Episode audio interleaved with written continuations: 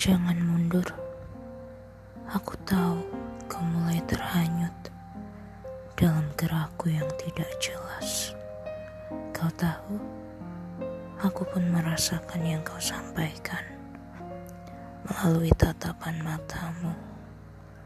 Namun apakah kita memungkinkan?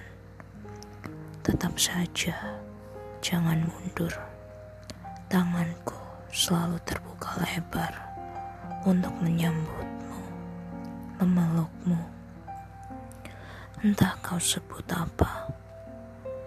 Terima kasih telah mengasihiku, mencintaiku, untukmu yang selama ini mengisi hariku.